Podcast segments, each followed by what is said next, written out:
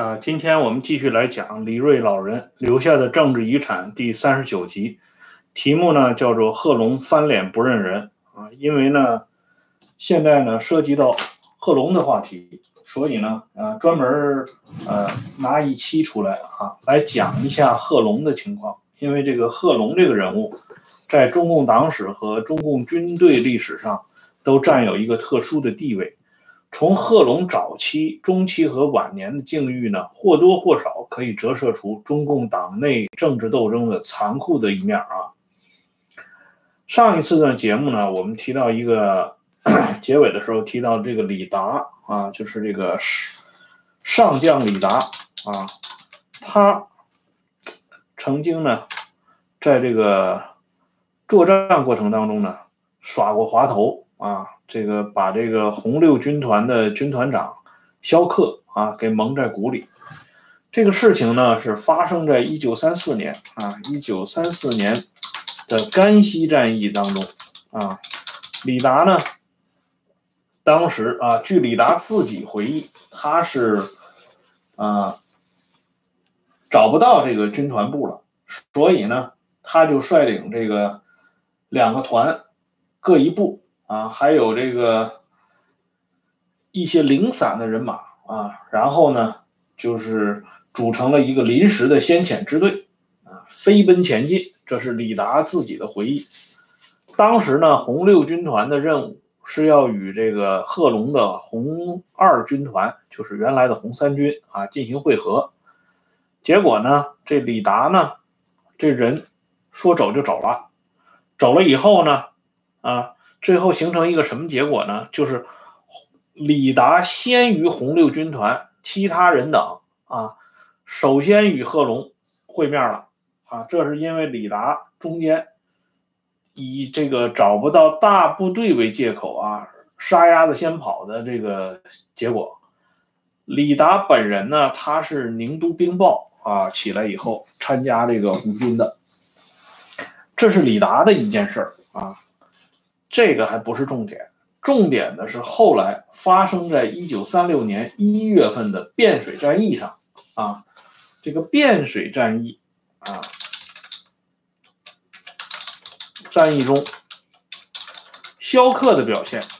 啊，这是很有意思的。萧克这个人呢，我们都知道啊，这个人在晚年曾经有两次比较这个呃精彩的地方。一个是呢，他曾经啊作为七名上将之一，向这个中央军委啊提出这个自己的看法啊，要求呢不要在天安门广场进行开枪杀人的这种行为啊，不要采取镇压和极端的这种办法，这是萧克晚年的一个重要的亮点。还有一个呢，就是在这个镇压结束以后呢，在京西宾馆开会。啊，当时呢，中顾委常委余秋里啊提出来呢，我们要紧密的团结在啊军委邓主席的周围，这又是把这个当年对毛的吹捧的那套呢又拿出来了。这个时候呢，啊萧克哈就提出了看法啊，提出了不同的意见啊，打断了余秋里的这个讲话，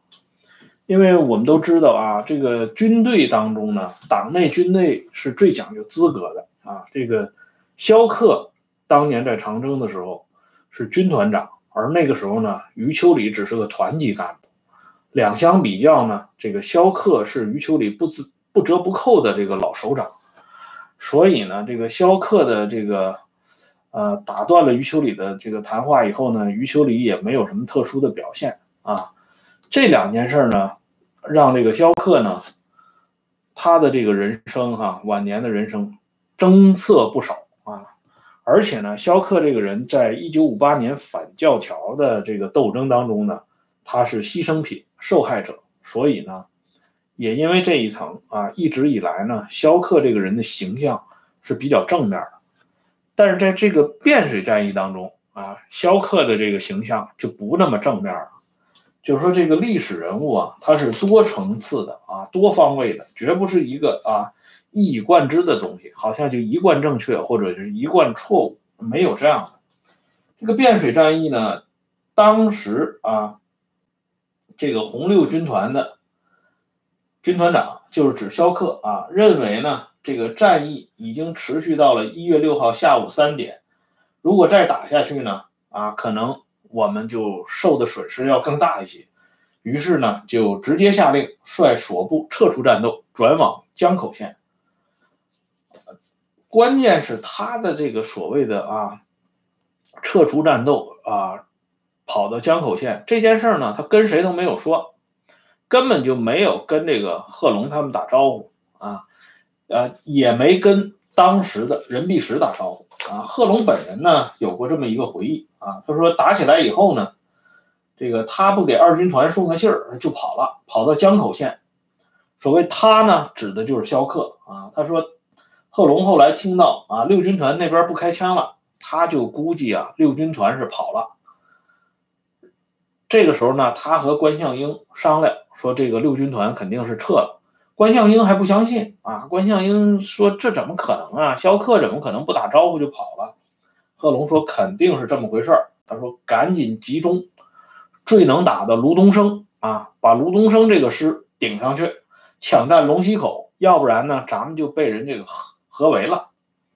啊！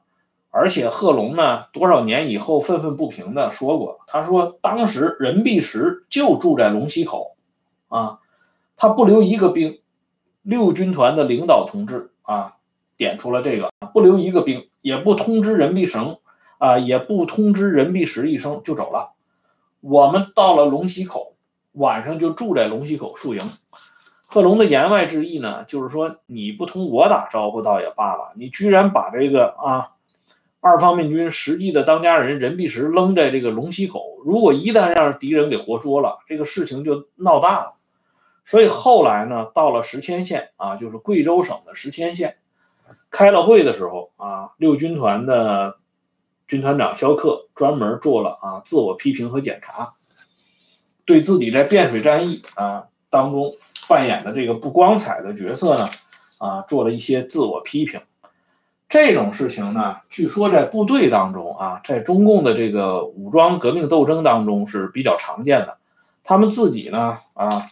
比较幽默啊，起个名叫“滑头仗”啊，打滑头仗就是时不时的就要耍一下滑头。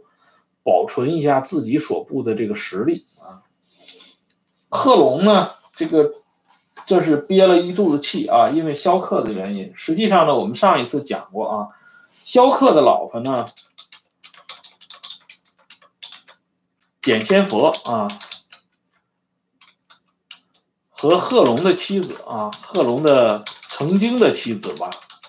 啊，简先任是姐妹俩。啊，亲姐妹，所以这贺龙和萧克这两个人还真是实在亲戚啊。但是这个，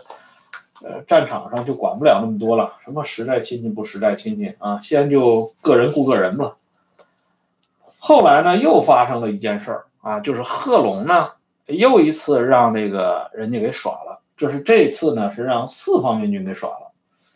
当时呢，他是发动的是城徽两康战役啊。这个战役呢，这个据贺龙自己说啊，张国焘是不打，往西一跑啊，国民党的这个三个军呢，就是胡宗南、王军和毛炳文这三个军，直接呢就压到贺龙这边来了，嗯，而这个时候呢，啊，这个六军团又是六军团出的事儿，六军团十七师政委汤祥峰叛变啊。这个卢东升这个师啊，是这个二军团最能打的，顶上去以后呢，也没打赢啊，所以呢，这个贺龙就讲说，张国焘整了我们一手啊，损失相当大，我们损失了十七团啊，四方面军走了，我们才请示，十月四号向北走，情况很紧急啊，到了这个盐官镇啊，六军被撤击。晏福生又负伤，这个晏福生呢是指六军团十六师政委，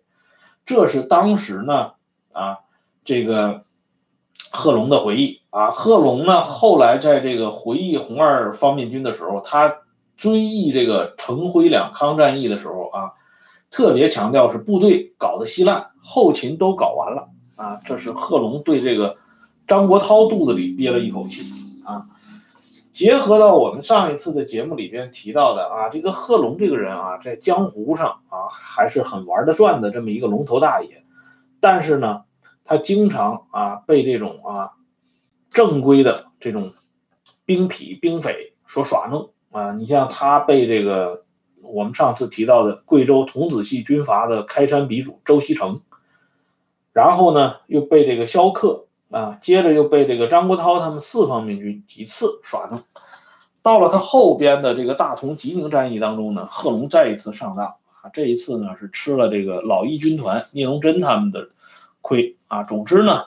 贺龙在这些方面上啊，一直都是扮演一个吃亏的角色，但是呢啊。呃，很多事情我们仔细想一下啊，为什么就是说这个周锡成这个咱们就不管了，因为军阀混战阶阶段啊，大家呢都没什么信义，贺龙自己呢，说实话也没什么信义可讲啊。但是为什么到了自己人的队伍里啊，都是红军的时候，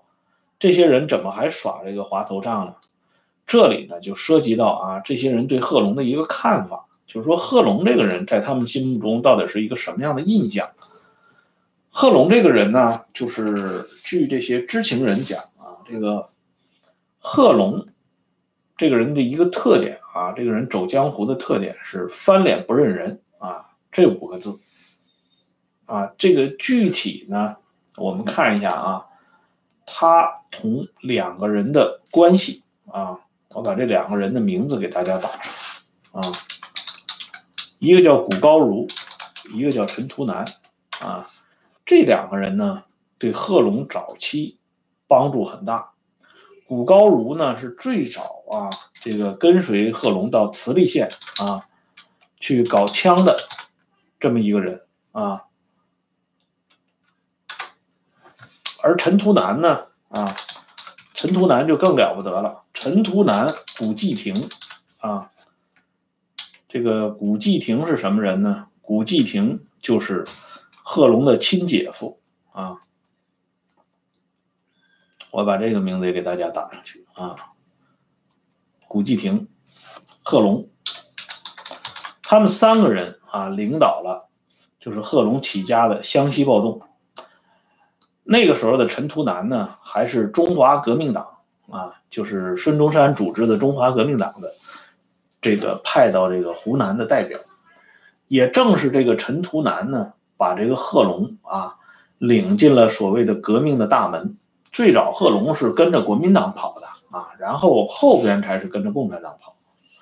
那个时候呢，贺龙对陈图南相当尊敬啊，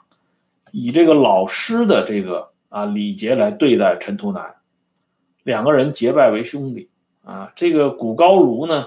跟贺龙呢关系也很亲啊，据说跟贺龙还沾了一点的表亲。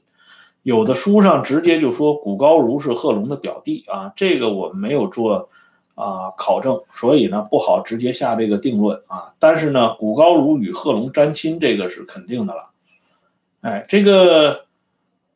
古高如啊，帮着贺龙千辛万苦的搞枪，后来呢还因此被抓了进了监狱，替贺龙坐了牢了。可是呢，贺龙对他呢。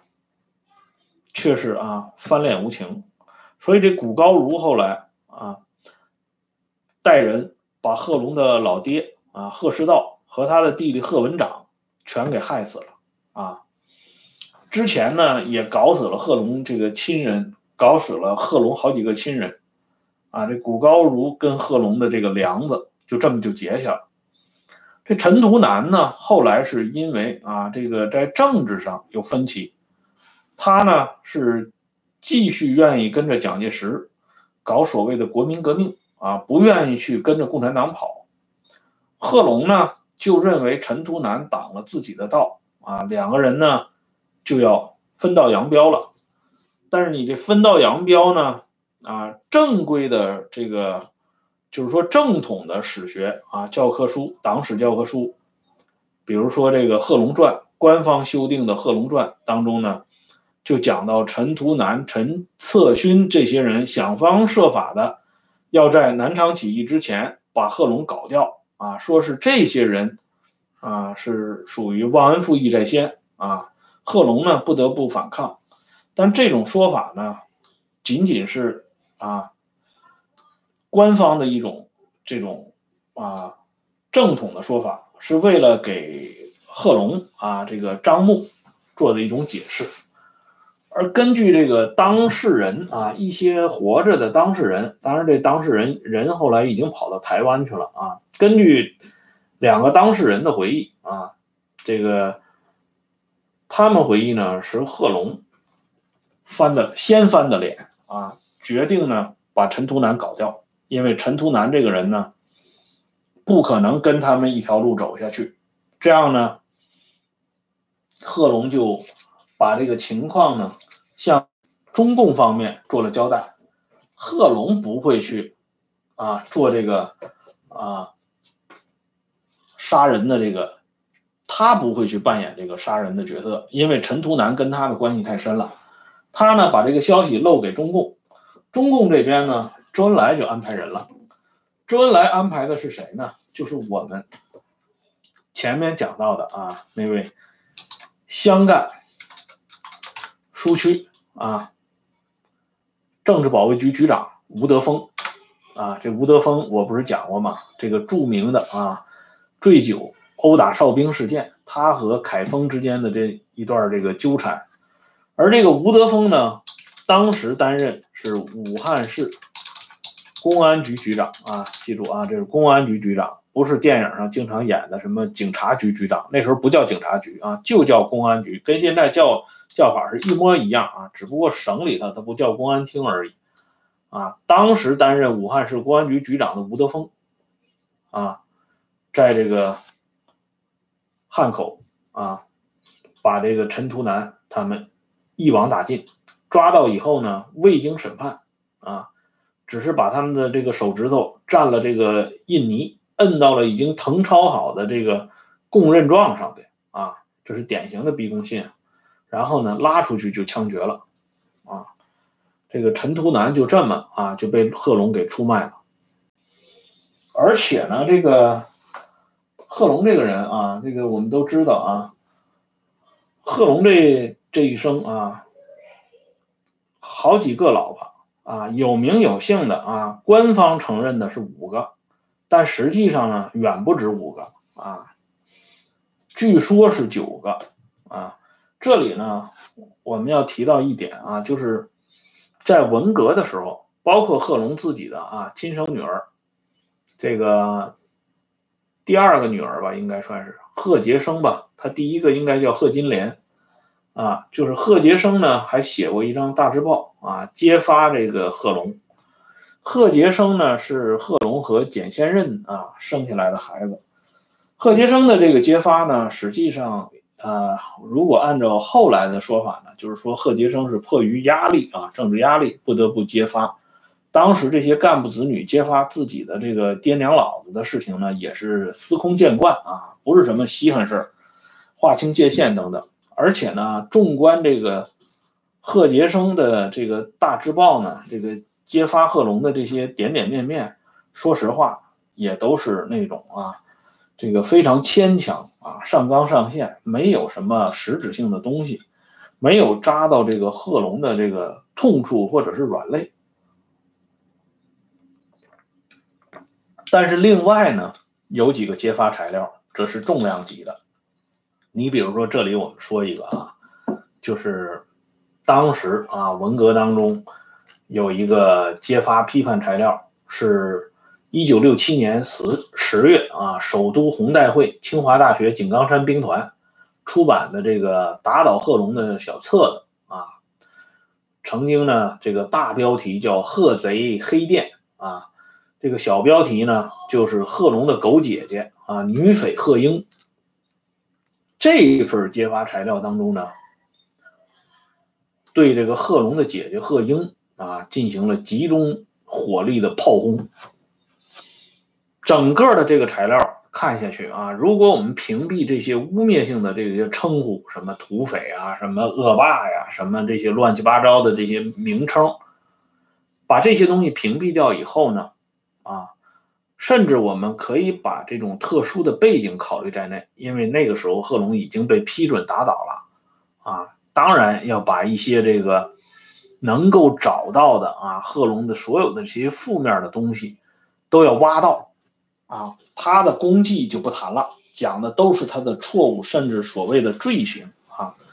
如果把这种特殊的这个历史背景考虑进去的话，这个揭发材料，即使放在今天，它里边有相当一部分内容，也还都是真实的，也都是符合这个啊当时的历史实际的。为什么这么讲呢？我先给大家看两本书啊，这有一本书叫《革命回忆录》第四集啊，小册子很好读，这里边呢打头的一一篇文章啊。我给大家看一眼啊，打头的一篇文章叫《桑鹤岁月》啊，《桑鹤岁月》。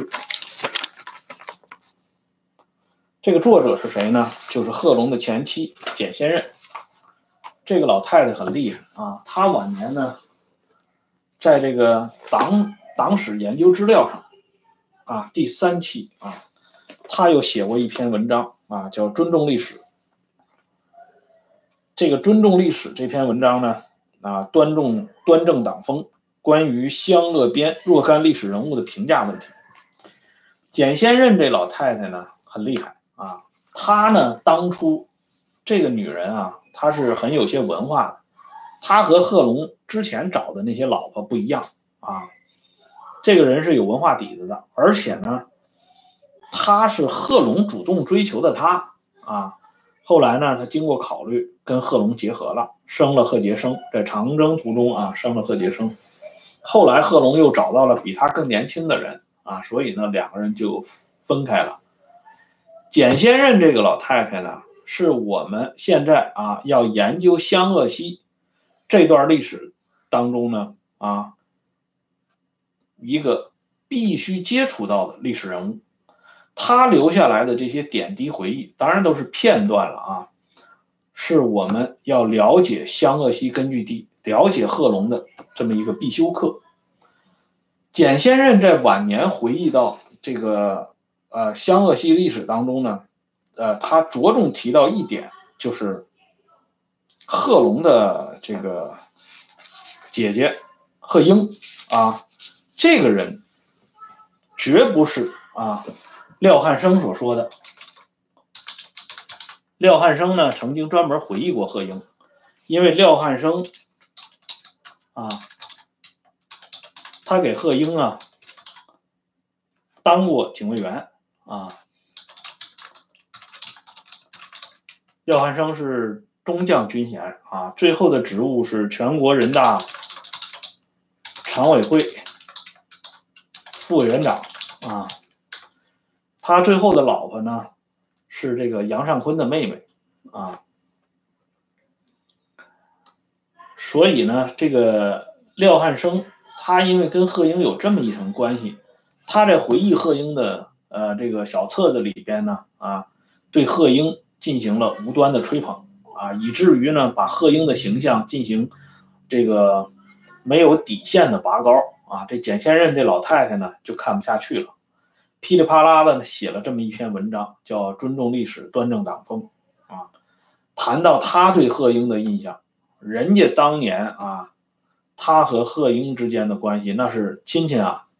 啊，贺英当时干了一些什么事情，那简先任是完全看在眼里的，而对照简先任的这个啊，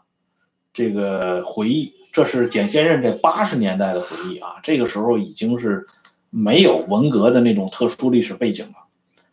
对照简先任的回忆，我们再回头看一下这个啊，文革当中批判贺龙的这个材材料里边，谈到贺龙的这个所谓的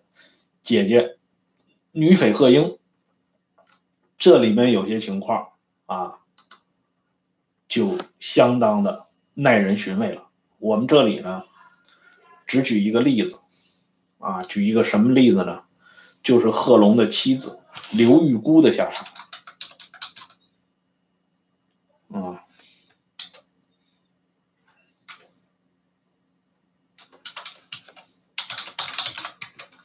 这个女人的下场，这个女人的下场是相当悲剧的，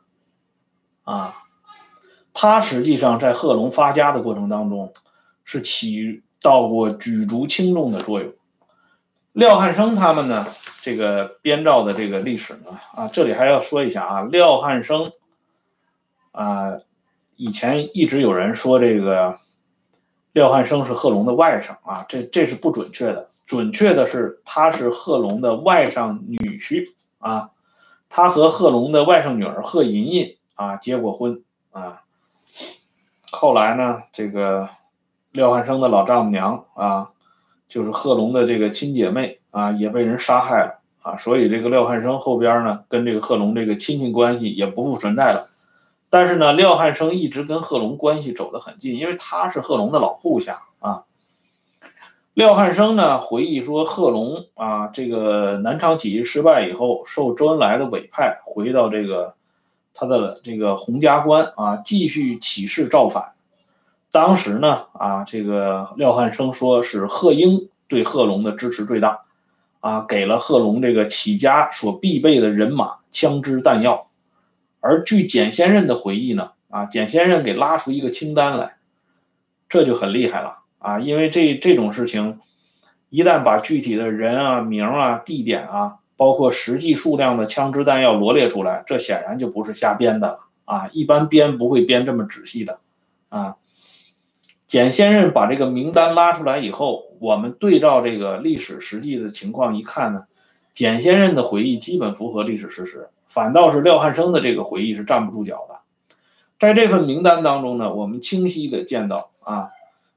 对贺龙在洪家关起事啊支持最大的就是刘玉姑的亲哥哥，叫刘子维啊。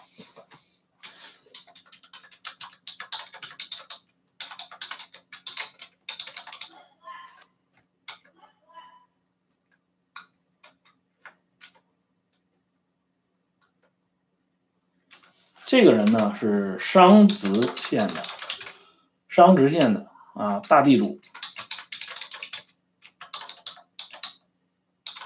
大地主和团房头子，他呢一次性的资助贺龙啊，这个粮食、骡马、猪羊，还有大量的银元，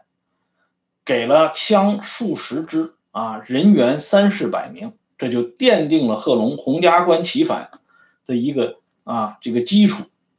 至于贺英呢，啊，给贺龙是长枪二十余支，人员三十余名，啊，剩下呢就是贺龙的这个本家哥哥贺炳南啊、贺佩清啊，还有一些旧部像王炳南、钟慎武这些人啊，整个呢最后集结了大约是两千多人。枪有四五百支啊，这是贺龙这个再一次啊在家乡造反的这个老底子，基本的组成部分是这样。也就是说，通过这个盘点这个人马呢，我们可以看出来啊，人家这个刘玉姑的哥哥就是贺龙大舅哥刘子维，那是倾其所有啊，对贺龙进行了无私的这个援助。你要知道，那个时候援助贺龙可跟当时这个。他闹那个中国中华革命党不一样啊，那个时候贺龙是被通缉在案的啊，共产党的要犯啊。刘子维呢是冒着灭门的这个危险，这个援助贺龙，真正是雪中送炭。可是呢，啊，这刘子维援助了这么玩命的援助了贺龙，